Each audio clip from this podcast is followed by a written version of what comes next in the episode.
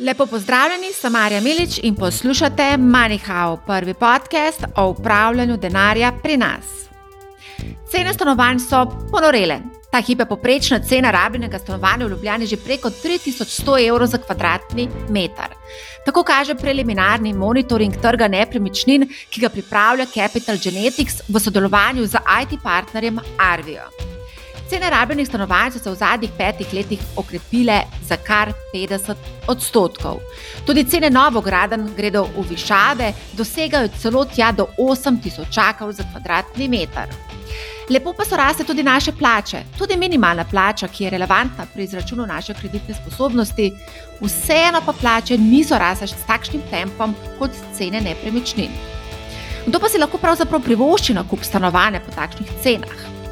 Indeks cenovne dostopnosti do stanovanj, ki smo ga izračunali pri Capital Genetics, razkriva, da si Ljubljančan s poprečno plačo ne more privoščiti nakupa stanovanja v Ljubljani. In to že zadnjih 15 let.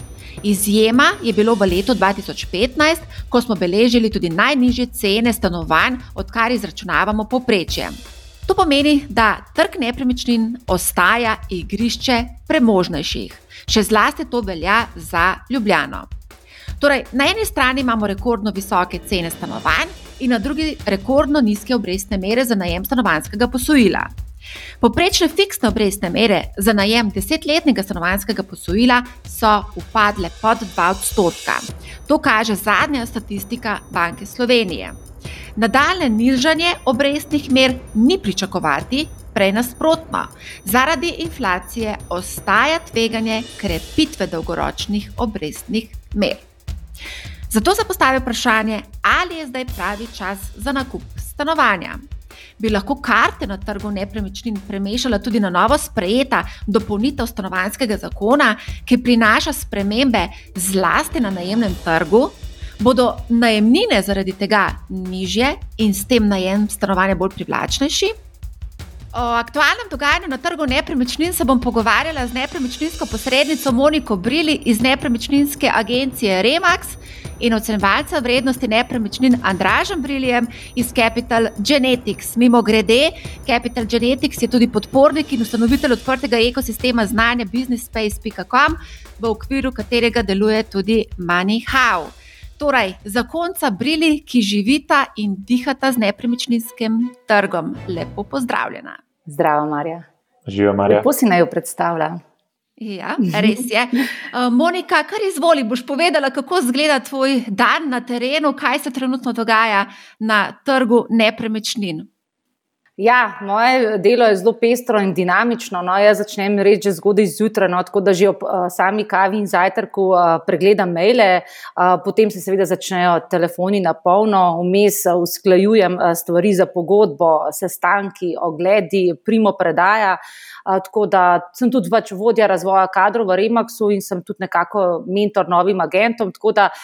Včasih si rečem, da je dan dejansko prekraten za vse te aktivnosti, ki jih imam, ampak dejstvo je eno, da to res počnem z eno veliko ljubeznijo, tako da vse ta napor je samo še kaplja v morje. No. Zdaj, po odpravi vseh omejitev, ki smo jih bili deležni zaradi koronavirusa, se je očitno tudi precej prebudil trg nepremičnin in zelo veliko zanimanja je tudi strani potencijalnih kupcev za nakup stanovanj. Kako se čuti prav to z tega vidika. Ali ljudje poprašujejo, po kakšnih napremičninah poprašujejo, kakšne kvadrature iščejo, iščejo nova, večja stanovanja, hiše. Ja, moram reči, da je kar noro na trgu. No. Veliko, veliko, veliko je kupcev. No. Predvsem je veliko kupcev, to so mlade družine, ki nekako iščejo večja stanovanja, zdaj na udaru so tudi, seveda, hiše. Pol po drugi strani imamo tudi uh, mlade pare, ki nekako uh, želijo iti iz najemniškega stanovanja v svoje lasniško stanovanje. Tukaj gre predvsem za resne kupce, no, ki vejo, kaj želijo in se tudi transakcije zgodijo. Zdaj, predvsem največ popraševanja je po 3-4 sobnem stanovanju stanovanjih in seveda hiše z nekimi atriji, hiše recimo v Ljubljani ali okolici Ljubljane. Absolutno je za mlade družine pomembna lokacija in vsa infrastruktura, tudi če to seveda ni center Ljubljane. Kako pa je s cenami? Zadnji monitoring kaže, da je 3100 evrov za kvadratni meter potrebno odšteti za rabljeno stanovanje. Kako pa je na terenu? Se pravi, pestro. Ne? Tako da, v bistvu, glede na to, da ni toliko novih stanovanj na razpolago, se stara stanovanja prodajajo po zelo visokih cenah. Tako da vse, kar pride na trg, se tudi dejansko proda. Problem je, no, ker pač premalo je ponudbe uh, na trgu. A se morda uh, kupci potencialni pritožujejo, da je predrago? Ali ja, sprejmejo tako, kot je? Ne, ne, ne, se kar pritožujejo. No? Moram reči, da vsak kupac reče, da cene so zelo visoke, stanovanja so predraga, ne? ampak dejansko kupijo stanovanje, ne? ker so pač primorani kupiti, oziroma pač kar pride na trg.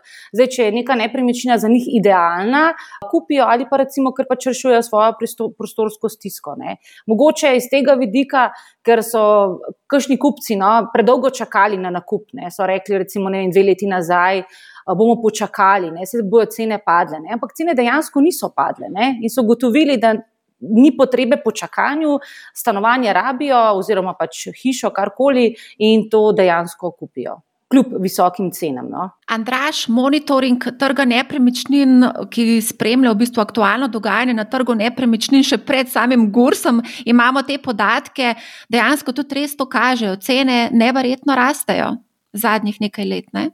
Dejansko, mi smo, mi smo začeli s tem spremljanjem cen praktično v, v začetku lanskega leta in trg zelo dobro tudi uh, poznamo.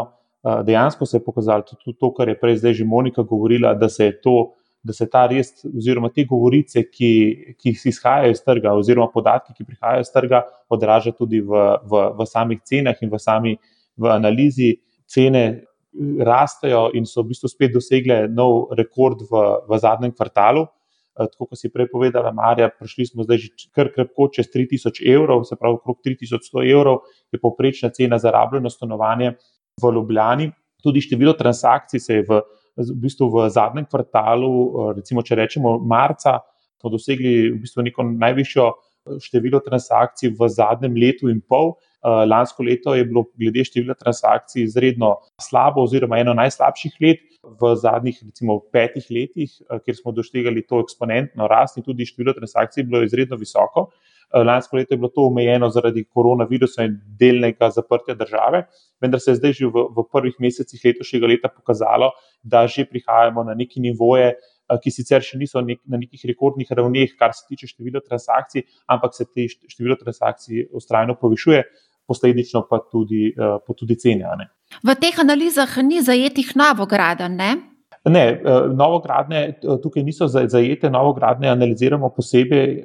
Sicer moramo podariti, da tudi v bistvu GURS in podatkovne baze ne zbirajo vseh podatkov o novogradnjah, zato ker so tukaj investitorji tisti, ki teh podatkov ne sporočajo, mehanizmi, ki bi jih prisilili, da bi pa sporočali redno podatke o, o transakcijah novograden, pa niso dovolj učinkoviti, ampak mi delamo lastno interno analizo, vse v bistvu uh, že oglaševane cene in pa cenike zbiramo in delamo lastne izračune. Zanimivo je, kaj se je spet pokazalo. Ne? Gledamo razmerje med novogradnjami in pa starogradnjami, kako se cenijo, v bistvu, kakšno je razmerje med njimi. In če smo mogoče opažali, da se v letu 2020 je to v bistvu se te, ta razkorak med novogradnjami in starogradnjami nekako približeval, ne? Je kazalo na to, da ni več toliko zaupanja na trgu glede eh, same rasti cen stanovanj pa je v, zadnje, v zadnjih treh mesecih ta razkorak ponovno večji, kar kaže, da v bistvu kupci ne verjamejo, da se bodo cene znižale in kupujejo, in verjamejo tudi v te cene, pač, da bodo cene še rasle, in zato raje se zdaj odločijo, da bo kupili novo gradnje po višjih cenah. Po vedno, vedno višjih cenah, in v bistvu se je ta sentiment na trgu v zadnjem obdobju spet spremenil. To je posledično tudi pomeni, da cene rastejo. Monika, kako pa je z oglaševanimi in dejanskimi prodajnimi cenami? Včasih smo rekli, da je bila razlika med oglaševanimi in prodajnimi cenami okrog 5 odstotkov, kaj pa danes? Mislim, to je čisto odvisno od, od, od podajalca. Ne? Nekateri pač prodajalci postavijo ceno z namenom nižanja, ne? drugi prodajalci postavijo ceno in pač od nje ne odstopajo. Tako da pol na koncu tako vse odvisno, koliko je pač prodajalec pripravljen spustiti ceno in uh, kupac pripravljen plačati za to. No. Tako da so razlike no, v samih cenah oglaševalnih no, in prodajnih. Torej bi rekla, da vsekakor se splača pogajati za ceno. ja, sigurno, ne? še posebej pač, če je visoka cena. Sej v bistvu kupci uh, zelo poznajo trg, no? so zelo seznanjeni s uh, samimi cenami na trgu, tako da ko imamo glede, ne, točno vejo, da je gospa, ne, taka podobna nepremičnina se pa prodaja za toliko manj. Ne, tako da jaz sem pripravljen dati toliko in toliko. Ne. Aha, se pravi, so dobro informirani, se pravi, verjetno spremljajo tudi dlje časa trg in dogajanje na trgu. Verjetno to niso kupci z danes na jutr, predvidevam. Ne, še posebej, če govorimo o mladih družinah. No. Ne vem, nekateri kupci iščejo tudi dve leti neko svojo sansko nepremičnino. No. Analitsko gledano je bilo vedno, ko smo delali včasih analize, so bile pač razlike med oglaševanjem in dejansko realiziranimi cenami tam 10 do 15 odstotkov. To v bistvu se je zdaj nekako zabrisala. Ne. Dejansko je zelo pomembno, kot je tudi Monika rekla, kje se izoblikuje neka oglaševana cena. Ne. Dostop do podatkov in oblikovanje te cene je zdaj veliko boljše, posebej, če sodeluješ z nekimi strokovnjaki, ki ti pomagajo pri postavitvi neke te pravilne cene. Se potem ni več v debate, ali je, uh, ali je v bistvu treba avtomatično znižati oglaševano ceno za 10%. Ne? Ker če je cena, cena prava, uh, bo pač trg pokazal, ki je v bistvu tista prelomna točka, po kateri se bo zgodila transakcija. To je lahko zdaj v plus ali pa v minus. Ne?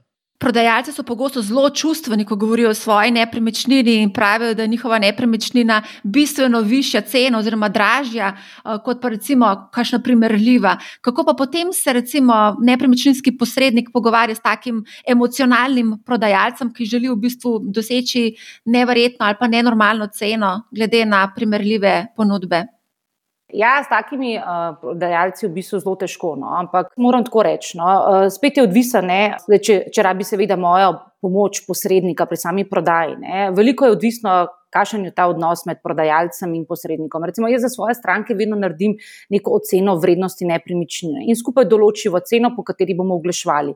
Zdaj, če stranke zaupajo pač meni, ne, moji strokovnosti in pač poznavanju trga in sledijo recimo mojemu načrtu in sami strategiji prodaji, se nepremičnina proda včasih za več, kot je oglaševana. Ne. Se pravi, to je, se mi zdi, ključna naloga posrednika, da zna umiriti to čustveno vrednost prodajalca in mu z argumenti povedati, pojasniti, kje je trg in kaj je tržna cena. Potem več mi z prodajalcem nimamo nekih težav, kako, kako ceno postaviti. Če on prisluhne meni, se nepremičnina dosti hitro proda. Ne? Včasih se pravi več, kot je oglaševana. Ne? Jo, tukaj zdaj pridem večkrat v dilemo, ne? ker nepremičninski posrednik zastopa tako kupca kot prodajalca. Tvoj cilj je ravno, kar si povedala, da dosežeš maksimalno višjo ceno za prodajalca, na drugi strani pa kupec hoče najnižjo možno ceno. Ja, no, ampak se je v bistvu uh, kupec točno ve, koliko je pripravljen za nepremičnino. Ne?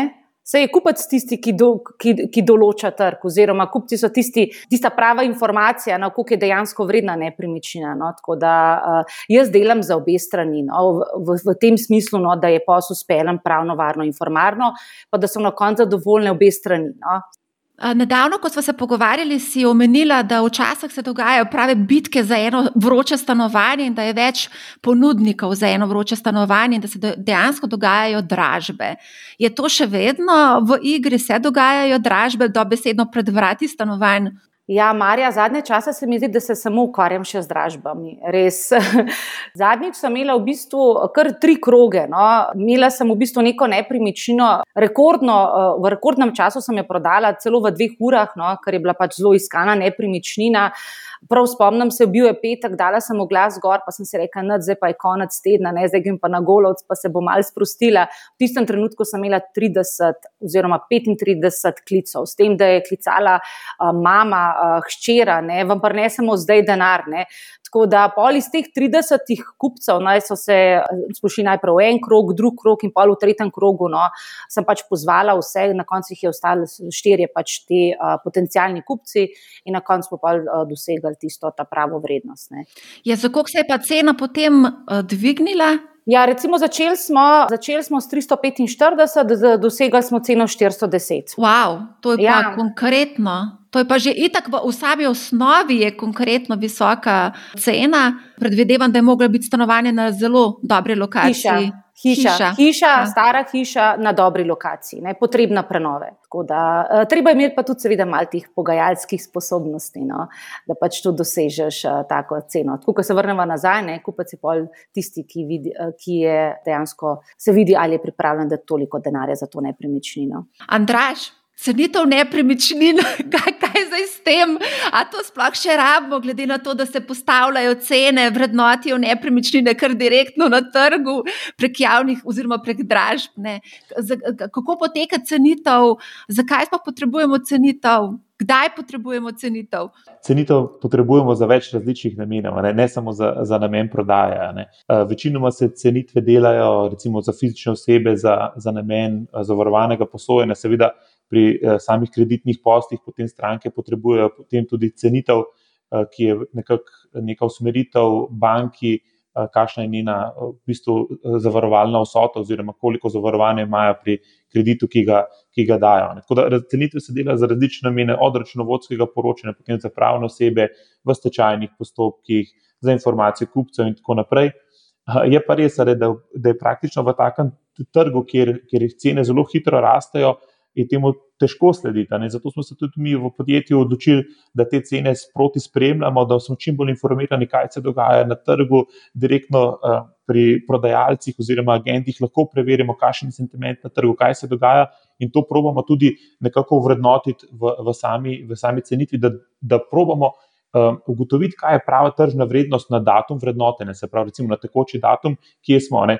Te transakcije v naše baze, recimo, z, z, prihajajo z zamikom vem, enega, dveh mesecev, ne, niso čisto ažurirane, trg, pa, trg pa mesečno raste po, po par odstotkov. Tako da tukaj, tukaj moramo biti zelo natančni in to nekako tudi, tudi upoštevati v samem, v, v samem vrednotenju. Ne. Zato je zelo bistvena neka predpriprava in pa neka analiza dejansko trg raste v praktično dveh urah, kot je rekla Monika. Ja. Uh, tako da, Monika, mogoče uh, zdaj si omenila, da, da ti je uspelo v dveh urah prodati uh, stanovanje. Kakšen pa je sicer razpon, koliko časa se načeloma prodajajo stanovanja v teh vročih razmerah? To je bil ekstrem, predvidevam. Ne? Ja, to je bil ekstrem. No. Ampak načeloma se dosti hitro se, se proda, ampak če je ta prava cena, ne, tako kot sem pač prej omenila, ne, če pač prodajalec uh, postavi ceno oziroma pač posluša, po kakšni strategiji bomo to prodajali in bistvo vsega tega, da pač postaviš pravo ceno, se lahko nepremičnina kar dosti hitro poda. Recimo, ne vem, lahko se zgodi to v enem tednu, maksimalno enem mesecu. Aha, zdaj je trenutno maksimalno en mesec, ker včasih je verjetno malo dlje časa trajalo, da smo prodali nepremičnino. Ne?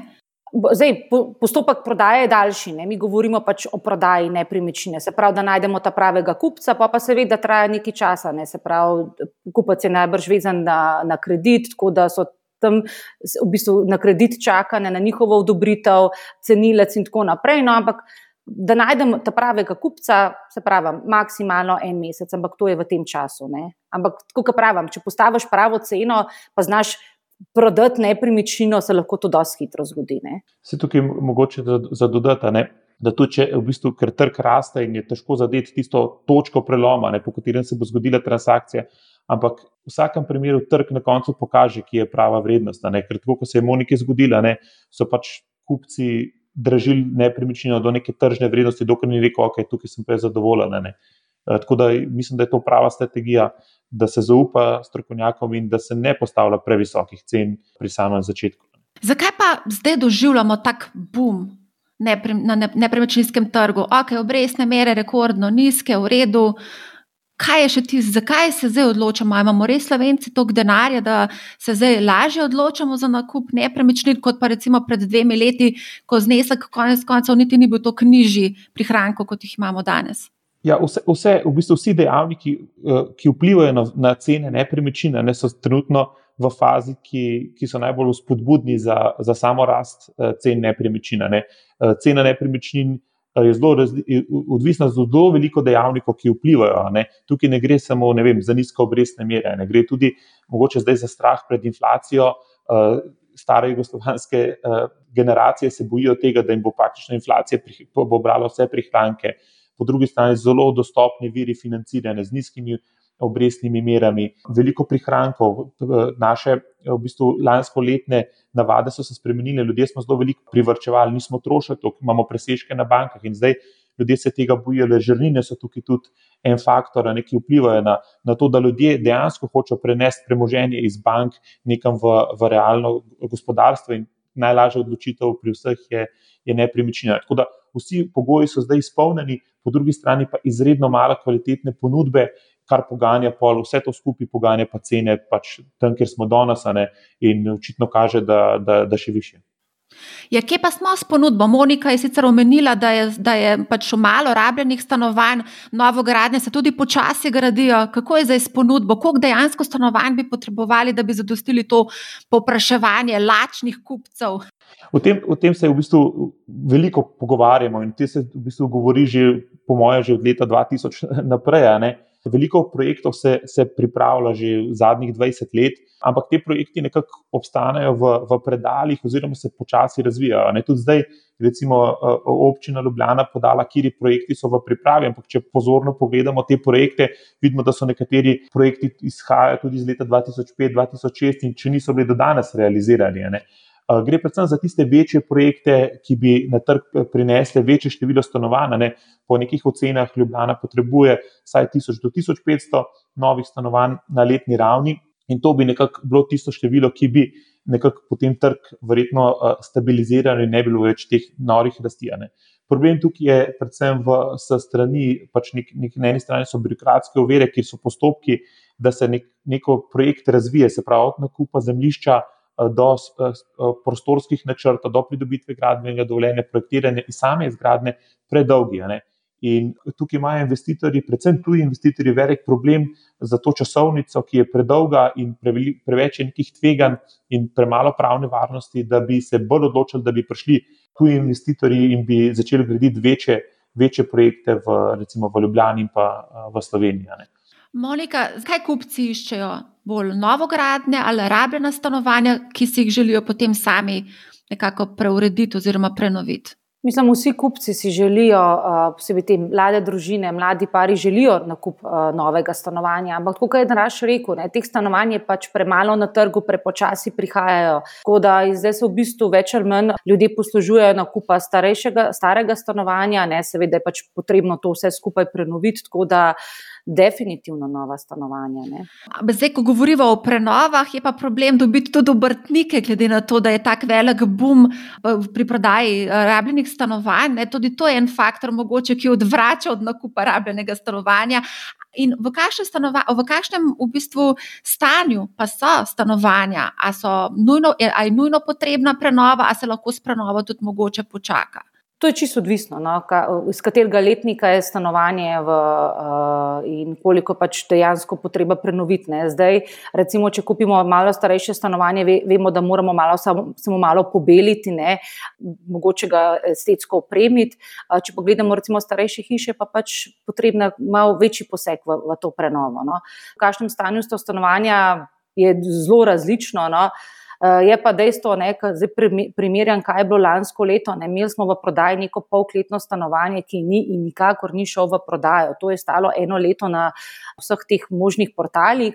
Letos je pa v bistvu, se pravi, 80 tisoč evrov, 60 kvadratov, polkletno stanovanje. Ne, pač ok, imamo tri sobe, ampak je vseeno polkletno stanovanje, ni nek standard. Ne. Letos se je prodalo za 108 tisoč evrov v enem mesecu. Ne, Pol se vidi, v bistvu, kje smo, ne, koliko v bistvu primankuje nekih takih eh, stanovanj. Ne. Ljudje tudi rešujejo svojo prostorsko stisko. Kupci, ki so kupili to polkletno stanovanje, so se morali iti ven iz najemniškega stanovanja, ne, ker so za imino plačevali 500, 500 evrov ne, na mesec. So pa se rekli, zakaj pa ne bi, mi smo si mogoče v teh parih letih prišparali denar in raje bomo pač šli v nakup in ne rabimo plač, plačati več najemnine, pa toliko več prostora imamo na razpolago. Ja, v bistvu me to zelo spominja na leto 2006-2007. Andraš, tebe verjetno tudi ne. Takrat so se dogajali res taki ekscesi. Jaz se spomnim, tudi sama sem bila aktivna iskalka najemnega stanovanja. Takrat se je dal dejansko oddati totalno lukno, brez kopalnice, brez urejenih sanitarij, skratka, groza. In zdaj smo spet v istem scenariju kot leta 2006-2007. Seveda, se to, to je logično. Ne? Če je premalo ponudbe, pač ljudje so obupani in potem kupijo tudi nekaj tazga, kjer morajo sprejeti eh, kompromis. Ne? Da bi iskal neko idealno nepremičnino, pač na trgu ne boš nikoli dobil, razen če si jo zgradiš uh, sama. Ne? Tako da v tem kontekstu uh, pač se ljudje, ljudje pač kupijo tisto, kar je in tisto, kar jim je za njihov dohodek pač še razpoložljivo. Dejansko so si v tem primeru lahko ljudje pač privoščili, nažalost, samo polkletno dvokletno stanovanje. Ne. Kako pa je s cenitvami, kaj, kaj opažate, recimo, ko delate cenitve, kakšne so vrednosti stanovanj in koliko je v bistvu bila najvišja ocenjena vrednost recimo nekega stanovanja ali pa hiše v zadnjem času? takih cen, no, predvsem novograden, v preteklosti nismo srečevali. Ne. Tudi leta 2008 takih cen definitivno ni bilo. Eh, prej je bilo, včasih je bilo, če je bilo čez 4000 evrov, je bila to že neka ekscesna cena. Ne. Danes smo tudi na trgu že srečali primere, kjer so cene tudi 8000 evrov in več na kvadratni meter. Predvsem v, zadnj, v zadnjih parih mesecih se to dogaja. Dejansko dobivamo na mizo, ne verjamemo, da je to možno, ampak dejansko dobivamo na mizo kupo prodajne pogodbe, ki to potrjujejo. Tako da v tem kontekstu ne, so pač tudi eh, sama vrednotenja stanovanj eh, pač toliko više, ker eh, je toliko primerljivih transakcij, tudi čez 5000 evrov na trgu in v nekih takih boljših sosedskah in pa boljših blokih. So pač to čist postale neke običajne, običajne cene. In cena več kot pol milijona za stanovanje, zdaj ni nič, nič pretiranega, ampak nekaj čisto običajnega. Ne. Da ne govorimo, da je cena 400 tisoč ali pa 350 tisoč evrov za stanovanje postal nek standard med, med to generacijo, ki sedaj kupuje stanovanje, kar je bilo v preteklosti mogoče nepredstavljivo. Ne. Ob vseh teh norih številkah se marsikdo vpraša, kdo se lahko sploh prvošči na kup stanovanja. In mi smo izračunali, da definitivno ne človek s poprečno plačo. Ne. Je potrebno imeti konkretno nadpoprečno plačo, da lahko kupaš. Konec koncev je pa tudi Banka Slovenije mogoče zagrinila marsikomu življenje z makrobonitetnimi omejitvami. Poleg tega imamo pa tudi višjo minimalno plačo, ki zelo vpliva tudi na našo kreditno sposobnost. Pa ne le to, tudi 20 odstotkov lastnih sredstev je potrebno imeti za nakup stanovanja. Tako da, kdo se lahko sploh privošči? Privošči stanovanje po 500 tisoč evrov, Monika? Se najdejo. Najdejo se.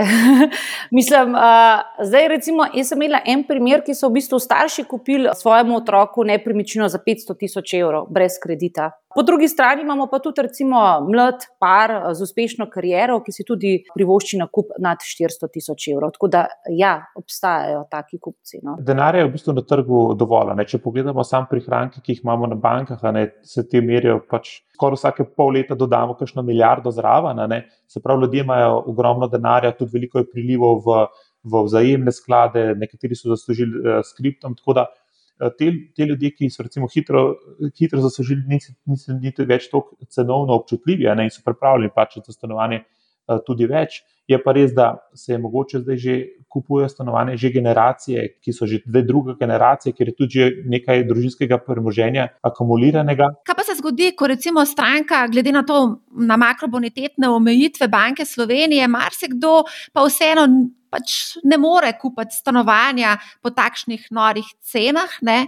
Uh, in je v bistvu jo banka zavrne kot nek kreditno nesposobno. Um, Pač stranko. Kako se zgodi to na terenu, recimo Monika, da dejansko nekdo, ki je zainteresiran za neko nepremičnino, potem naknadno, ko se gre pozanimati na banko, ne dobi posojila? Mislim, se zgodi, no, ampak bolje to, so to redki primeri. No. Kupci v bistvu se vedno prej pozanimajo na banki, no, ali so kreditno sposobni ali ne. Bolj nastane problem, recimo, če se neka nepremičnina proda za več, kot je vredna, in pride cenilec in oceni uh, stanovanje manj, uh, v bistvu, uh, za manj, kot je bilo dejansko prodano. In takrat v bistvu ljudje začnejo špekulirati, ne, ali, ali bom šel še dodatno se. Uh, Eh, recimo, dodatno vzeti nek kratkoročni kredit, pa se zadolžiti, zato da bom kupil to nepremičnino, ne? ali pa pač bom si najdel nekaj drugega. Ne? Ampak tle je bolj v bistvu. Problem pa takih, ki, iš, ki rabijo 80% kredita. Ne. Zdaj, tisti, ki rabijo manj, manj kredita, ne, pa če jim je stanovanje všeč, ga bodo tudi dejansko kupili. No. Kako je s tem, eh, Andraš, ko cenilec malce drugače oceni, kot je dejansko potem Tako treba je povdariti nekaj, ne, da pač eh, cenitev za banko je uh, v bistvu potrebna za to, da banka vidi praktično, koliko bo lahko iztržila za to stanovanje v nekem daljšem obdobju. Ne. Zdaj, trenutno smo v fazi, ko so cene res visoke, ampak tukaj banka že sama poskrbi, da to dodatno v bistvu oklesti. Uh, je pa res, kot sem na začetku rekel, ne, naša naloga cenilcev je to, da zelo dobro poznamo trg. Ne, ne moramo se samo zanašati na neke pretekle transakcije in na podlagi preteklih transakcij ugotavljati, kje je danes trg, ne, ampak je treba tudi neke analize narediti, pa neka predvidevanja in to tudi nekako vključiti v samo. V samo vrednotenje. Uh, jaz mislim, da nekih bistvenih odstopanj, razen če gre res za neke specifične nepremičnine, ne bi smeli biti tudi neke kupoprodajne pogodbe, posebej, če je bil postopek transparenten in potekal pod nekimi tržnimi pogoji in je praktično več ljudi ponudil tako ceno, po kateri bo potem prodano, kaže na to, da trg za tako ceno obstaja in tudi tukaj ne bi smeli biti nekih odstopanj pri, pri samih cenilcih. Mhm. Zdaj, prej smo omenili, ja, se, življenje, veliko stvari se dogajajo. Um, zdaj, omenjali smo tudi, da makrobonitetne omejitve nekako narekujejo, da je potrebno imeti vsaj 20 odstotkov lastnih sredstev. Monika, ti si omenila, da imajo nekateri bistveno več teh lastnih sredstev. Če bi lahko čez palec ocenila, koliko pa je takšnih, ki imajo več kot 20 odstotkov lastnih sredstev? Mislim, jih je kar dosno. To, to so recimo uh, ljudje med 30 in 50 let, ki so si nekako ustvarili svoje premoženje, imajo stabilne službe, tako da imajo nekaj prišparanega in pač ne potrebujejo 80% kredita. Ne. Bolj uh, se nagibajo tem posojilu za 80%, to so pač mladi pari, ki nekako tudi rabijo finančno pomoč staršev in družine. In Dejansko ma, nimajo toliko privrčevanja oziroma nekega svojega premoženja. Ker to je v bistvu kar precej denarja. Ne? 250 tisoč vredno stanovanje, recimo, eh, če bi želel eh, ga kupiti, eh, in pa če imaš 20 odstotkov lastnih sredstev, to pomeni 50 tisočakov. Zdi se mi tako mal neverjetno, da bi imel nek mladi človek 50 tisočakov tako na lagarju. Andraš. Ja, mislim, def, definitivno, ampak je treba pač tukaj malo, malo širše gledati. Tukaj, tukaj so pač v ozadju tudi družine. Ne? Če ste v nek par, imate oba svoje družine v zadnji, nekaj premoženja je tam že bilo, ponovadi je tudi kakšno uh, stanovanje bilo že od babice, ki se je prodala in potem to pomaga celi družini, da, da zadostijo pač nekim potrebam po lastnih sredstvih in lastni deležbi prikriti. Tako da to so malo kompleksnejše stvari in tudi sam nakup, pri, ponavadi pri samem nakupu nepremičnine. Uh, sodeluje kar cela, cel, cela družina, če ne že širša družina. So pa seveda tudi tisti, ki kupujejo pač sami iz, nič in tisti imajo dejansko probleme zagotoviti tudi teh 20% lastnih sredstev. To rešuje na razno razne uh, načine. Ne. Banke sicer tega nočejo direktno povedati, ampak to rešuje tudi z, z potrošniškimi krediti in drugimi obliki, oblikami financiranja. Ja, ampak vseeno banka preveri v SIS-bonu tudi vse ostale obveznosti, ki jih mora biti, imaš tudi na drugih bankah. Tako da glih jih ne moreš okrog prnesti. Ne? ne, ne, ne, ne, ampak se, se potrudijo, da bi nekako posel probojajo speljati, to pač vidimo iz, iz prakse. Je pa res, da se pač ljudje tudi sposodijo od prijateljev, tok, da, da to začnejo pa pol torej programirati in tako naprej.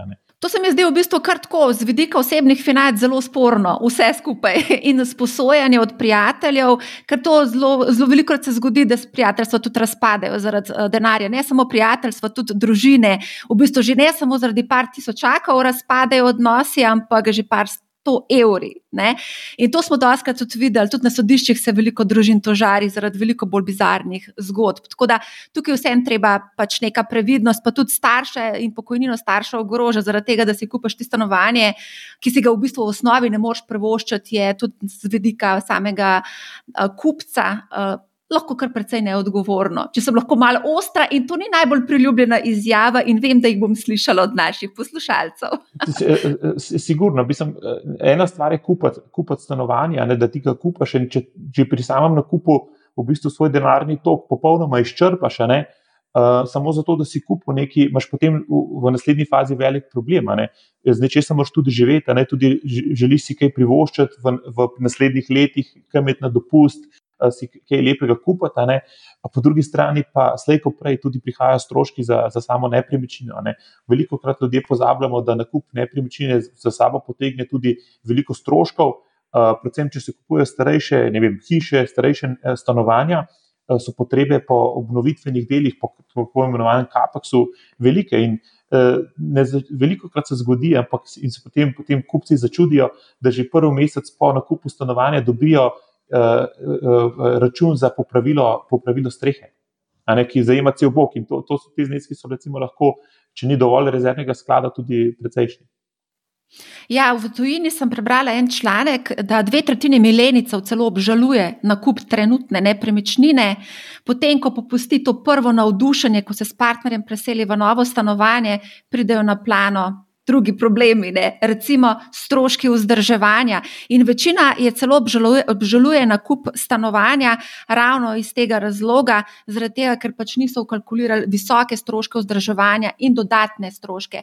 Monika, koliko ljudi je recimo pri nakupu nepremičnine, stanovanja, hiše pozorna tudi na stroške vzdrževanja in potencialno druge stroške, ki jih lahko doletijo v relativno kratkem času po nakupu? Tisti kupci, recimo, ki kupujejo stanovanja, vedno vprašajo, kakšni so stroški, ne? koliko je rezervnega skrada, ne? ali je bila že uh, streha obnovljena, ali so bile kakšne sanacije. To, to, so, mislim, to je že drugo vprašanje, no? pred prvim vprašanjem glede stanovanja. Tako da ja, uh, vsi, skoraj 99% kupcev, uh, zanimajo, kakšni so stroški. Zdaj, tudi v tej anketi sem prebrala, da, so, da je večina teh milenicov, nezadovoljnih milenicov, nezadovoljna tudi zato, ker so kupili premajhno nepremičnino. Se pravi, gre za nekako v rangu starosti od 25 do 37, če se ne motim, in takrat v bistvu že ustvarjamo prvo družino, prvega otroka imamo ne, in nekako potem potrebe tudi po večjih stanovanjih rastejo. Koliko je recimo teh verižnih transakcij, se pravi, iz manjše enote v večjo enoto? V zadnjem času? Si morda kaj opazila? Ja, jih je kar veliko. Ne? Recimo, zdaj imamo mene par ljudi, ki so v bistvu starejši, ki so že v pokoju ne? in jim je recimo uh, nepremičnina prevelika, ne? tako da v bistvu prodajajo večje stanovanje, da grejo v manjše. Ne? Pri teh mladih parih in družinah je ne pa pač potreba po večjih stanovanjih, tako da te pa v bistvu prodajajo manjše stanovanje, da grejo v nakup večjega stanovanja. Tako da ja, je kar teh velik verižnih uh, prodaj. Andraš, mogoče ti tudi kakšne specifike opaziš eh, glede teh verižnih transakcij, verjetno vrednotiš tako majhne kot večje enote, mogoče celo pri isti stranki. Ja, sigurno, pač te verižne transakcije so, se nenehno dogajajo. Ne?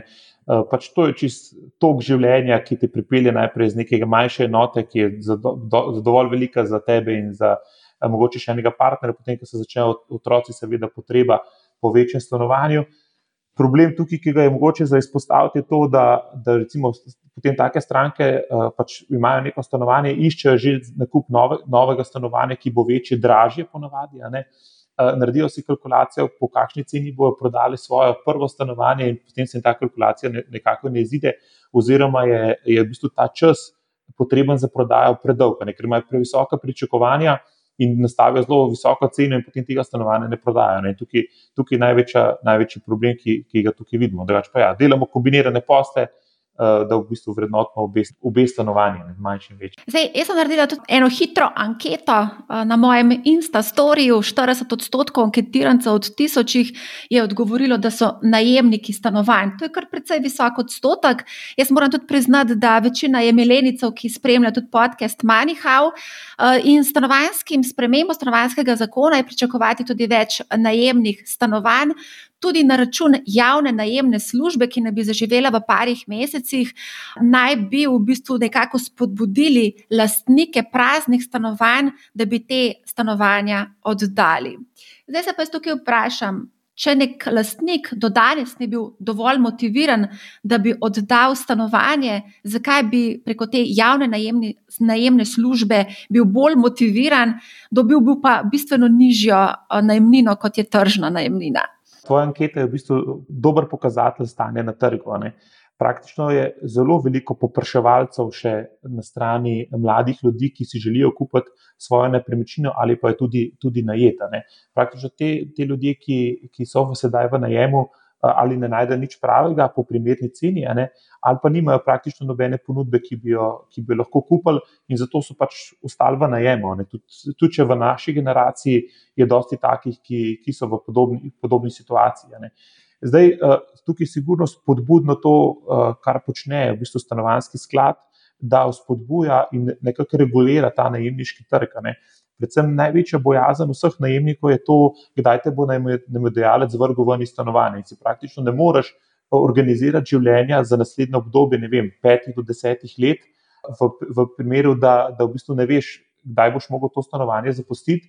Stanovanski sklad je že naredil prve objekte, ki so jih oddali pred dvema letoma na, na Brdu, in takrat je bilo popraševanje ogromno. Ne? Tudi na vse razpise se prijavi bistveno več uh, popraševalcev, kot je samih razpoložljivih stanovanj. Na Brdu prihaja zdaj v letošnjem letu 600 novih najemnih stanovanj, ampak popraševanje je tukaj par tisoč, tako da to jasno kaže, da je potreba po najemniškem trgu obstaja. In je tukaj pohvalno strani v bistvu ta intervencija države, ki je spodbuja ta najemni trg in omogoča mladim in tudi starejšim, ne tudi tak primer, ki ga je dala prej Monika, ne tudi starejši par, ki zapusti hišo, bi še mogoče nekam v najem in taki ljudje se dejansko ne morejo seliti čez dva meseca spet, ki jih bo najmedalc v vrgu. Tako da tukaj je definitivno zelo pozitivna, um, pozitivno signal strani države, da ta najemni trg spodbuja. Eh, tukaj pogrešam predvsem eh, prihod nekih institucionalnih vlagateljev, ki bi tudi razvile najemniška stanovanja za trg kot alternativne naložbe. Po drugi strani pa mi ni preveč všeč ta državni republiški eh, sklad, ki bo pa v bistvu ponujal, da bojo pa lastniki stanovanj dali stanovanja v, v najem in jih ponujali pod tržno najemnino. Tukaj pa ne vidim, da bojo da bo država uspešna, da se bo ljudje za to odločili. Ker če vam jaz danes lahko oddam stanovanje po 500 evrov eh, na trgu, zakaj bi ga oddal državi po 300, eh, samo zato, da bom imel pač neko redno plačilo eh, strani države. Mislim, to, tukaj, tukaj sem pa mal v, v dvomu, da bo lahko in tudi mi ni mogoče preveč všeč, da se tukaj država nekako umešava v trg in v določene neke, neke tržne cene na tak umeten način, kot je postavljanje neke cene. Ker oni bodo dali 30% višjo ceno kot neprofitna najemnina, kar je umetno ustvarjen trg, uh, nima to nobene veze z samim, uh, samim trgom in tržnimi najemninami. Monika, kako pa je eh, interes za najemna stanovanja? Je kaj zanimanja ali ljudje samo še kupujejo? Ne, veliko je zanimanja. No? Ampak, kot je prej Andraš rekel, ne, premalo je teh najemniških stanovanj, dobrih najemniških stanovanj. Ne? Da je to zdaj super, v bistvu, da se pač nekako spremenja, da država spodbuja ta najemniški trg, ne? kar je zelo pomembno za mlade družine, ne? da ne sklepajo več pogodbe za eno do dveh let, ne? ampak sklepajo dejansko od pet do deset let. Ne? In glede na to, da bo toliko najemniških stanovanj prišlo na trg, ne, da, da bo znalo vplivati uh, veliko, na, oziroma na sam ta najemniški trg, predvsem, kar je bistvo, da cene ne bodo tako visoke, kot so do zdaj. Se pravi, je nekako pričakovati znižanje tudi najemnin. To je pač moje mnenje. No. Jaz mislim, da ja, zato ker, ker bo prišlo ne, več, več ponudbe, predvsem več Eh, kvalitetne ponudbe in uh, bo to sigurno imel, uh, ne, če imate vi pač možnost najeti stanovanje za deset let, ne po neki uh, tržni najemnini, ne, uh, definitivno bo to posekal tiste, ki so špeko, v bistvu lastnike stanovanj, ki so špekulanti in v bistvu imajo nekaj časa v dan za dolgoročni najem, ne, nekaj časa pa v bistvu pol računa na Airbnb in Booking, ko mes računajo visoke najemnine. Tako da ja, ta trg se bo nekako stabiliziral, mogoče celo prej kot prodajni trg, ne, in bo omogočil, da bo, da bo ta najemniški trg bolj reguliran in da bo omogočil neko bolj neko predvidljivost. Ne. A je zdaj pravi čas, da se gremo pogajati? Mislim, da ta, da ta čas še ni prišel. Ne. Ta čas bo šele, bo šele prišel v, v prihodnih letih, ko se bo pravzaprav videl, kaj se dogaja na trgu. Letos prihaja prvih teh 600 stanovanj. Zdaj, stanovanski sklad tukaj eh, spodbuja to in načrtuje do 10 tisoč teh stanovanj do leta 2025. Um, je pa to res, da to je razpršeno po celi Sloveniji, kar je tudi zelo dober pozitiven signal, uh, da se razvijajo tudi take sekundarne, terciarne lokacije, ker tam tudi ljudje se ne morejo vsi v Ljubljano preseliti. Ne. Je pa definitivno Ljubljana tisti trg, ki tega največ absorbira in tudi največ, uh, največ želi uh, tega imeti. Tako da ja, zna se zgoditi, da bodo, da bodo najmnine tudi uh, se nekako stabilizirale in mogoče v prihodnih letih, če bo te ponudbe dovolj in če bo sledili strategiji, tudi malenkost nižje ali pa saj tako. Normalne, ne bojo tako uh, volatilne. Monika, kdo pa išče danes najemna stanovanja? Ali so kakšni posebni profili, mlajši, starejši, samski, ločenci? Vsi. Vsi. Ja, vsi, ja, žal tako je.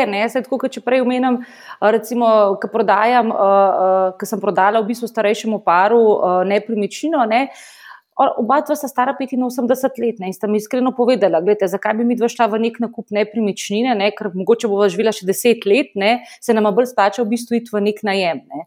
Tako da, glede na to, da so dobro zaslužile pri, sam, pri sami prodaji, ne, se lahko tudi v bistvu privoščita mogoče malo višjo najemnino, ampak takih ljudi je malo. Ne mi moramo vedeti, recimo, če ima nek mlad par ali pa družina neko poprečno plačo, si težko privošči neko uh, stanovanje ne vem, za 800-900 evrov uh, na mesec, če želi pač večjo kvadraturo. Ja, v bistvu ta tvoj primer niti ni tako običajen. Ne? To je v bistvu zelo nenavaden primer, ker načeloma upokojenci kar želijo živeti v svoji hiši, čeprav je prevelika in zgrajena za XY generacij, ponovadi so delali hiše za več generacij ne? in še kar ustrajajo. Marsikater upokojenec, kljub temu, da ne more vzdrževati uh, svoje hiše ali pa nepremičnine stanovanja, ustraja. Ja, ker je zelo čustveno navezan. Sej sem imela v bistvu eno stranko. Eh, ki je prišla v bistvu do tega starejšega gospoda, ne, pa mu je ponudila zelo pač veliko vsoto ne, za nakup eh, te hiše, ker je imela seveda veliko zemljišče. Ne. Ampak je rekel gospod, lejte, jaz tega denarja ne potrebujem. Ne. Kaj si jaz želim, da sem do konca življenja v tej hiši in da preživim najlepša leta, kjer sem pač odraščal. No. Tako da ni, ni vse v denarju. No. Ampak, ok, ne, za kakšnega kupca je pa zdaj veliko, v bistvu, more tvegati. Zdaj, recimo, vzel bo posojilo za 20-30 let in to je kar dolga doba, da se vežeš uh, na eno banko, da kreditiraš za velike vsote. Ne. Mene pa zanima, ali uh, prodajalci ali pa tudi agenti, kakorkoli, uporabljate kakšne posebne trike, ki nam boš seveda jih sedaj razkrila, ki dvigujejo, umetno dvigujejo ceno nepremičnine, vrednost nepremičnine. Višjo ceno dosežemo le, če pač imamo argumente ne, in pač neka pogajalska izhodišča in znamo prepričati, zakaj je to stanovanje vredno več kot je cena na trgu. Uh, predvsem se morajo uh, dejansko prodajalci na samo prodajo dobro pripraviti. Ne. Se pravi, pogledati morajo, kakšne so cene podobnih nepremičnin na trgu, da določijo pravo ceno, kar je bistvenega pomena, ne. da ne pustijo ne vem, nepotrebno nekega denarja na mizi. Predvsem je pa treba recimo stanovanje pripraviti, da je urejeno, da je čisto, da je estetsko privlačno. Seveda, moramo vedeti, da so kupci nepremično najprej pritegnili ta vizualni izgled stanovanja. No. Tako da to igra uh, zelo bistveno vlogo. Tako da včasih je dovolj, če samo malo provizoriš, kaj popraviš, malo prepleskaš, mogoče pospraviš stanovanje, ker še vedno opažam, da marsikateri oglas, ki je objavljen, ne, ne prikazuje ravno najbolj estetske slike stanovanja. No? Moram priznati, da sem opazila kar nekaj takih oglasov. Ja, tudi jaz. No. To meni mogoče blazno moti. Jaz vem, da sem prišla enkrat na, na eno nepremičnino ne, in predtem sem začela slikati, da sem začela pospravljati stvari, ker pač prodajalcem. Uh, niso videli te potrebe. No? In ko so začela pospravljati, mi je rekla prodajalka: Joj, kako fajn, ne boste prišli še ne, eno drugo mojo nepremičnino pospravljati. Ne, gospa, ne. Nepremičnino je treba pripraviti za samo prodajo. Ne, ne moramo jaz v bistvu slikati nepospravljeno stanovanje, ker dejansko so kupci res vizualna bitja. No? In uh, je prva slika zelo, zelo pomembna, no? tudi pri oglasih, ne pri samem ogledu. Um, Andraš, kaj pa vse vpliva na vrednost stanovanja? Ti vrednotiš nepremičnine vsak dan, kako lahko zvišamo vrednost stanovanja, oziroma na drugi strani bo kupec seveda pozoren na vse te stvari, ki jih boš zdaj omenil. no, dosta, v bistvu, dosta strank eh, se v bistvu tudi obrne na nas, ne, ko so v fazi nakupa samega stanovanja in se želijo pogajati. Ne. Uh, posebej tam v nekih stvarih, tam, kjer so kupci neizobraženi, ne poznajo, kje so prave cene. Ne, tukaj jim lahko mi dosto pomagamo, s tem, da jim, da jim dejansko damo neke transakcije, neke argumente, zakaj je cena lahko višja, ali pa oziroma na drugi strani, zakaj je cena lahko nižja. Ne. To so sigurno, kot je Monika prej rekla, treba biti dobro pripravljen, če, če se hočeš pogajati za stanovanje. Za stanovanje. Je pa tudi to vprašanje, to, ali se splača vem, stanovanje prenoviti, ali kakšen vpliv bo imelo to na ceno. Uh, ali je dobro, da mi če zdaj kopalnico prenovimo, pa kuhinjo, ali je dobro, ali pustimo tako, da, da trg sam pokaže, kje bo. Tako da različni dejavniki, ki se ki vplivajo. Ne. Eni so v bistvu na, na primarni ravni, tukaj govorimo pol, tako kot je Monika govorila o teh estetskih, pa vizualnih. Efektih, a ne drugi dejavniki, ki pa vplivajo na samo ceno, so pa v bistvu bolj makroekonomski, ne, to smo pa že prej govorili, ne popraševanje, inflacija, obrestne mere in tako naprej. Ja, Monika, koliko ljudi pa dejansko prenovi, recimo, kopalnico, kuhinjo in druge dele stanovanja pred samo prodajo, z namenom, da pač dosežejo višjo ceno? Ja, kakšni se recimo tudi prej z mano uh, želijo pač moje mnenje. No, jaz vedno rečem, da ne pustijo stanovanje tako, kakršno je, zdaj, če potreba stanovanje celovito prenoviti. Ne, to je, ni smisla, ker se je že pokazalo, ne, da, so, da so toliko več denarja vložili v samo prenovo, uh, želeli so pa še več in do te vrednosti, uh, oziroma na to oglaševano ceno, oziroma njihovo želeno ceno, nismo mogli doseči. No. Tako da spet je odvisno. Ne? Zdaj, če imamo neko nepremičnino na dobri lokaciji, se bo ta nepremičnina sama prodala, brez da v bistvu rabimo nekega posega oziroma neko prenovo. Ne? Če pa je v bistvu nepremičnina na nedobri lokaciji, ne? pa mogoče rabi sa, samo malo. Ne? Je pa pač uh, potrebno, ne? ampak se pravi, čisto odvisno. Ne? Problem je tukaj, da, ne, da lahko ne pokriješ vseh stroškov, ne? da ne boš dosegel tako bistveno više cene, kot so stroški, ki si jih vložil v stanovanje za neko prenovo. Ne? Na koncu pa še kupcu niti všeč to. Ne? Točno to zna biti velik problem, ker pač niso vsi narejeni po tvojemu kupitu, nimajo enakega okusa kot ti. Ne. Kako pa je z novo gradnjo, kako v bistvu cenilce vrednosti nepremičnino vrednoti novo gradnjo? Pa moramo tukaj povedati, da so res neverjetne cene. Tudi 8000 evrov na kvadratni meter se nekatere nove gradnje zdaj trenutno oglašujejo. Ja, se to so že, to so že prej povedala. Ne? Prvič je tukaj problem, ker v bazi podatkov ni vseh transakcij za novo gradnjami. Pri novo gradnjah se obračunava eh, davek na dodano vrednost in tukaj v bistvu ti investitorji, ki so ponovadi neke pravne osebe, tega ne sporočajo davčni upravi.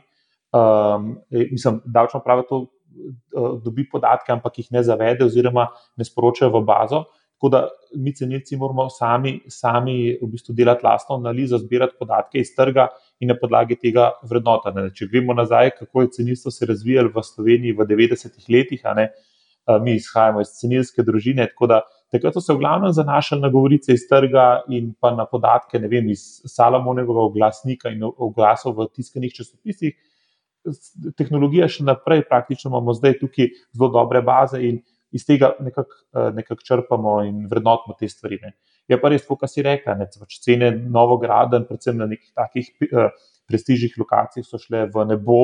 In um, ne vem, ne vem po, kakšnih uh, najninah se bodo mogli te stanovanja oddati, da, da bodo pač ti kupci, ponovadi teh stanovanj, ki jih recimo kupujejo kot naložbo, lahko upravičili neke donose. No, oziroma, gre po mojem samo za predstavljanje nekega Eh, denarja iz banka ne, v, v druge hranilce vrednosti, kot so nepremičnine. O naložbenih nepremičninah smo mi dva že posnela en podcast, kje so nevarnosti in priložnosti.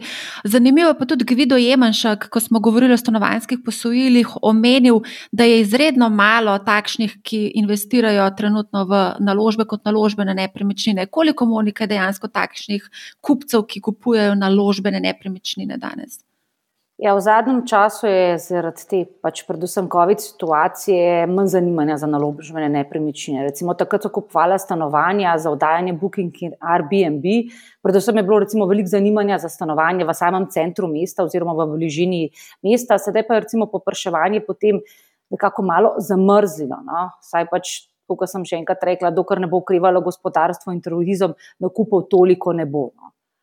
Um, Se dogajajo, se pravi, se dogajajo taki nakupi, ampak ne zdaj v takem številu, kot je bilo recimo še leto in pol nazaj. Investitorji v bistvu vedno prežijo na, na dobre naložbe. Ne? Investitorji uh, kar ne zginejo, ne? ampak so pa zelo plašne, plašne živali. Uh, ko zavohajo kri, ne bojo tako hitro prišli tudi, tudi na plano. Ne? Predvsem, se, recimo, če pride do kakšnih uh, Eh, pacov cen na, na nepremičninskem trgu, bo investitorjev kar dosti, ker bo to kupali kot špekulativno in, in iskali neke donose. Je pa tudi res, ne, da se tudi ta eh, zahtevana donosnost in pričakovanje investitorjev znižuje, ne, ker enostavno, enostavno ni nič zakupati. Včasih smo govorili, da morajo biti donosi na nepremičnine. Tudi čez 10%, a ne zdaj teh, te take donose, izredno, izredno težko dobiti, moraš biti res premeten investitor in tudi znati speljati, ne samo kupiti nepremičnine, ampak je tudi dobro izoblikovati in izklesati, da recimo oddati res dobremu najemniku z dobro pogodbo, da dosežeš take donose. Takrat se pa zdaj ti donosi zelo krčijo in vem, na stanovanjskih nepremičninah, jaz mislim, pri teh cenah ne more biti donosi večji kot kakšen procent ali dva. Ne. V tujih medijih sem prebrala, da kriptomilionari uh, želijo razpršiti svoje portfelje in del premoženja selijo tudi v nepremičnine. Tudi na slovenskem trgu smo imeli kar nekaj kriptomilionarjev, ki so kupovali nepremičnine. Uh, mogoče, Monika, ti si omenila prek stranko, za, ki je kupila stanovanje z gotovino v vrednosti 500 tisoč evrov, so bili to morda kriptomilionari? Ne, ne, skladi, skladi. Kako skladi? Prav vzajemnih skladov so investirali? Ja, ampak nisem, nisem, nisem se preveč poglabljala v njihovo uh, plačilno politiko. No. Tako da uh, vprašam že zaradi tega, no, ker me pač zanima, na kakšen način bojo plačevali, ker je to treba tudi eh, nekakvo pogodbo navesti, kakšen način plačila imajo. No. Tako da je gospod že takoj rekel, da ima gotovino, da ni potreba po kreditu. No. Tako da uh, mislim, gospod ni deloval, da bi se ukvarjal s kriptovalutami. No, Ampak. Um je, je to čisto logično. Ne? Pač kriptovalute, kot pri vse te volatilnosti in nihanju tečajev, je jasno, da, da bodo tisti pametni investitorji v kripto tudi, tudi del premoženja prenesli v, v, v nepremičnine oziroma druge oblike sredstev.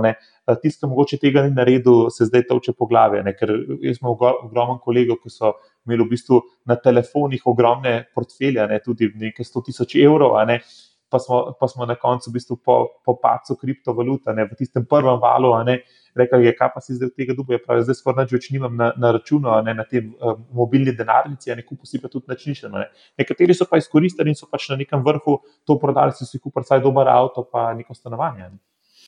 Ja, tudi jaz imam kar nekaj kolegov, kriptomilionarjev, ki pa tudi investirajo v nepremičnine, ampak oni so se odločili za Hrvaško obalo.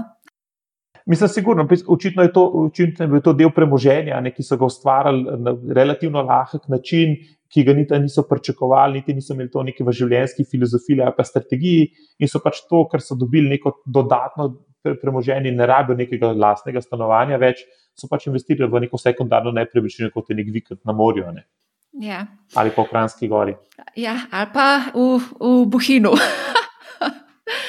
Ja, jaz mislim, da smo več ali manj vse obdelali, ali imamo še kaj za povdariti, mogoče najpogostejše napake, ki jih danes počnemo kot kupci oziroma kot prodajalci. Monika, boš ti najprej začela. Mislim, treba se zavedati, ne, da je prodaja na kup nepremičnina, ki ga izvede vsak posameznik enkrat ali pa dvakrat v življenju, in zato je pač res pomembno, ne, da pazimo, da naredimo kakšno napako, ker ta napaka nas lahko stane, seveda, ogromno.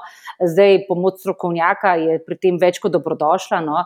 Zdaj, seveda, preden se lotite vem, prodaje, nakupa stanovanja, hiše, ne, je treba najprej preveriti, seveda, kakšno je pravno stanje nepremičnine. Ne. Je upisana v zemljiško knjigo, ima vsa ustrezna dovoljenja, je zgrajena v skladu z gradbenim in uporabnim dovoljenjem. Ne ali je nepremičnina obremenjena, recimo, naprimer, z neko hipoteko ali pa nekim neurejenim lašništvom. Ne. Vse to so resne težave, no, ki ob ta, uh, katerih si mogoče kakšni kupci uh, tudi premislijo, glede na kupa uh, nepremičnine. Mar se kater kupec hoče opraviti na kup uh, brez posrednika?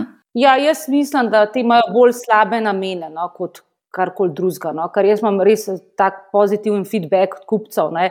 so zelo zadovoljni, da je pač agencija vmes, da vejo v bistvu, kaj kupujejo, od koga kupujejo. Tako da predvsem, mislim, jaz sem imela no, že eno tako izkušnjo, ki je kupec želel mimo mene. Ne, na koncu mi pač prodajalec povedal, zakaj temu tako se pravi, ali želi, želi znižati ceno, ne, ki pač jaz kot posrednik tega ne dovolim, še posebej, če vem, da imam ogromno kupcev v zadnji.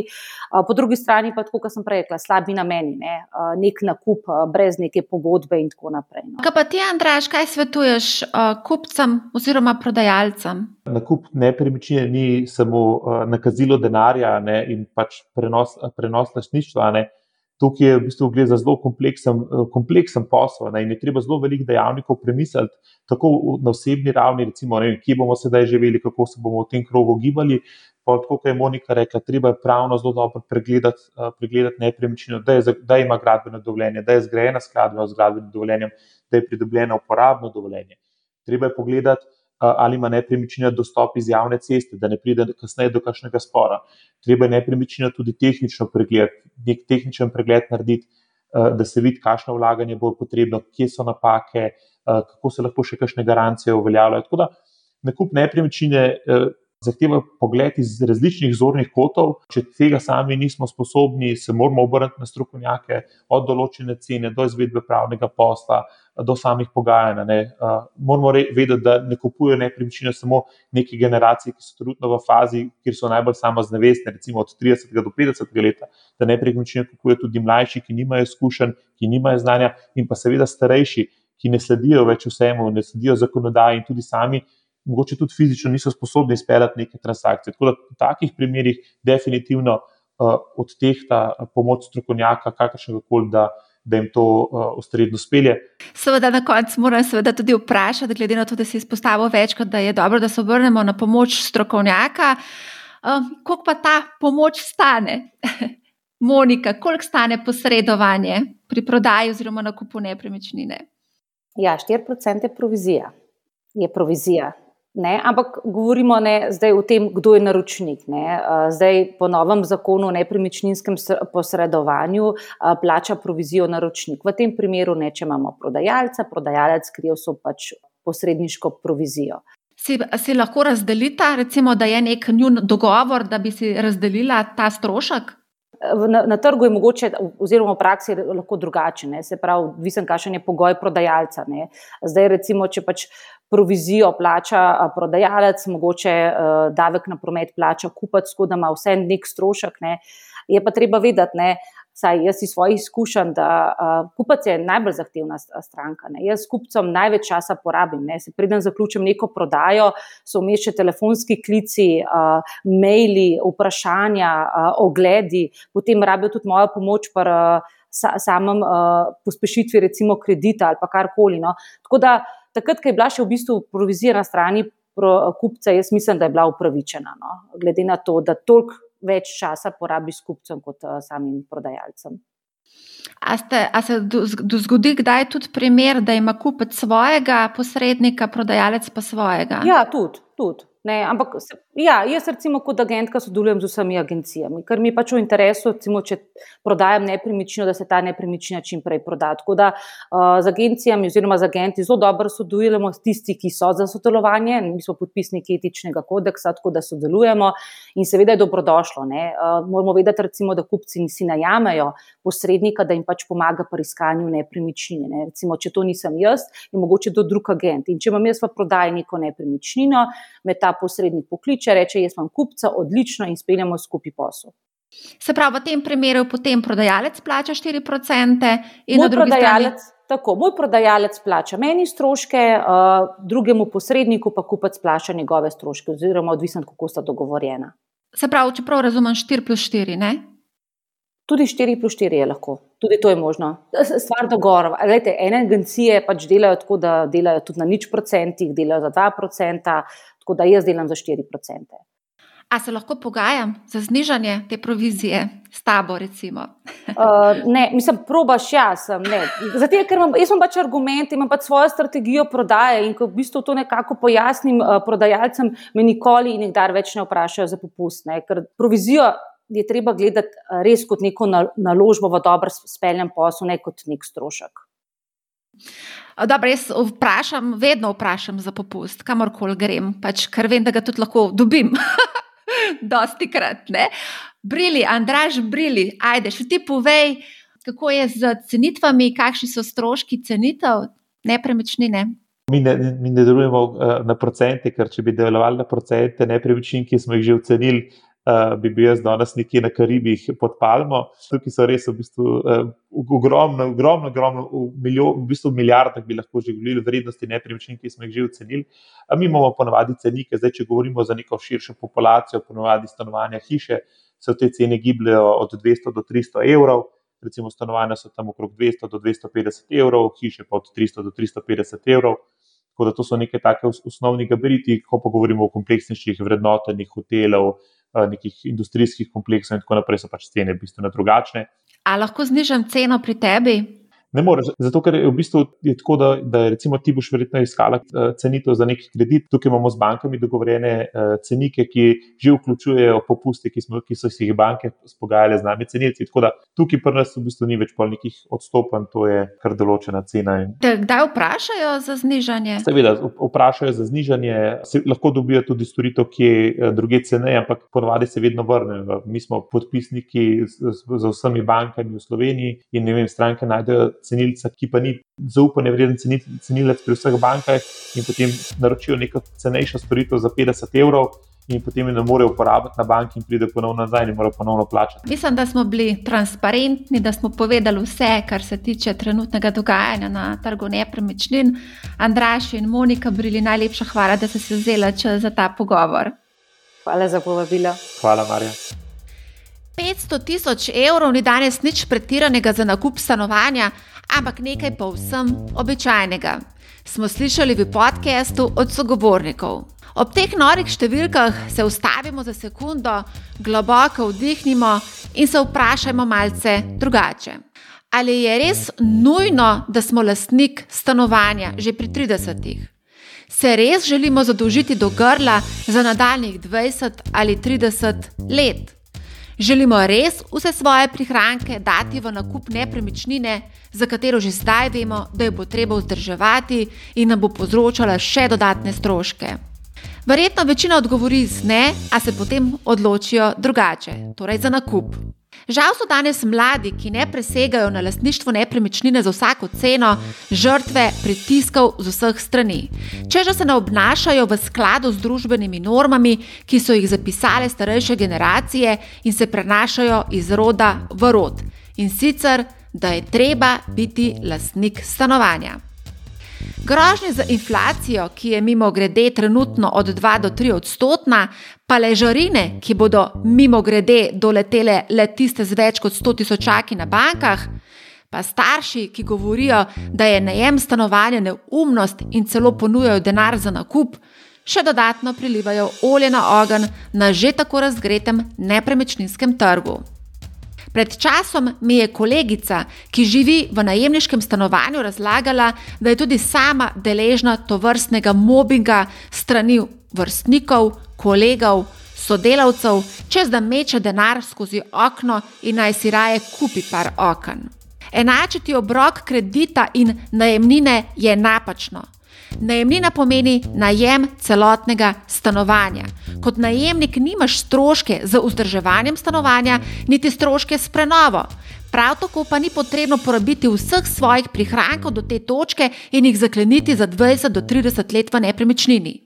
Pomembno je tudi vedeti, da so se vsi tisti, ki s krajnimi napori kupijo stanovanje in jim nič ne ostane za vrčevanje v naslednjih nekaj desetletjih, že vnaprej odločili, da se odrečejo bistveno bolj privlačnim donosom, ki jih lahko ustvarimo z drugimi naložbami kot z nepremičnino. Je pa res, da tudi ponudba ni najbolj prijazna do najemnika. Vendar, če gre verjeti noveli stanovanskega zakona in obljubam državnih in občinskih stanovanjskih stanovanjskih skladov, se to utegne v parih letih spremeniti. Ne pozabimo tudi na to, da se danes stanovanja gradijo za ljudi, ki so sposobni plačati od 5 do 6 tisoč evrov za kvadratni meter v prestolnici, hkrati pa situacijo poslabšuje tudi rast gradbenih stroškov in vse više cene zemljišč. Na koncu račun plačate vi, kot kupec. Pazite, komu zaupate. Pogajajte se za ceno, vedno in za vse. Je zdaj pravi čas za nakup stanovanja? Slišimo pogosto vprašanje. Zadnje čase banke, nepremičninski posredniki, investitorji, gradbinci, celo nekateri mediji in drugi z interesi tulijo v isti rok. Pravijo, da je zdaj pravi čas za nakup stanovanja in argumentov za to jim kar ne zmanjka. Rekordno nizke obrestne mere, više plače, grožna inflacije, ležarine. Ja, so pa na drugi strani tudi rekordno visoke cene stanovanj, ki si ga človek z normalno plačo ne more kupiti, oziroma se mora za to angažirati cela družina, si izposojati denar pri prijateljih in tako dalje. Zato morda, če ne gori voda, velja ta hip počakati, da se izkaže, kam vodi ta pokoronska nakupna manija. V tem trenutku se kupci nepremičnin namreč obnašajo tako kot medved po zimskem spanju. Je res nujno potrebno kupiti stanovanje za par sto tisočakov danes, zdaj, takoj? O naložbenih nepremičninah, o stanovanjskih kreditih smo že govorili v Manihau. Vabim vas, da obem epizodam prisluhnite. Na YouTube kanalu Marija Milič pa si lahko pogledate tudi webinar Nepremičnino pod lupo, kjer smo precej podrobno secirali trg nepremičnin in stanovanjskih posojil. Še naprej bomo spremljali dogajanje na trgu in vas o tem tudi obveščali. Če imate kakršno koli vprašanje, mi pišite na marja.afnabusinessspace.com ali preko katerega od družbenih omrežij. Ne pozabite se naročiti na Manihau, zelo bom vesela, če boste posredovali informacijo o podkastu prijateljem, znancem, sorodnikom in vsem, za katere menite, da bi jim vsebina lahko koristila. Poslušajte Manihau, ne bo vam žal. Lep pozdrav!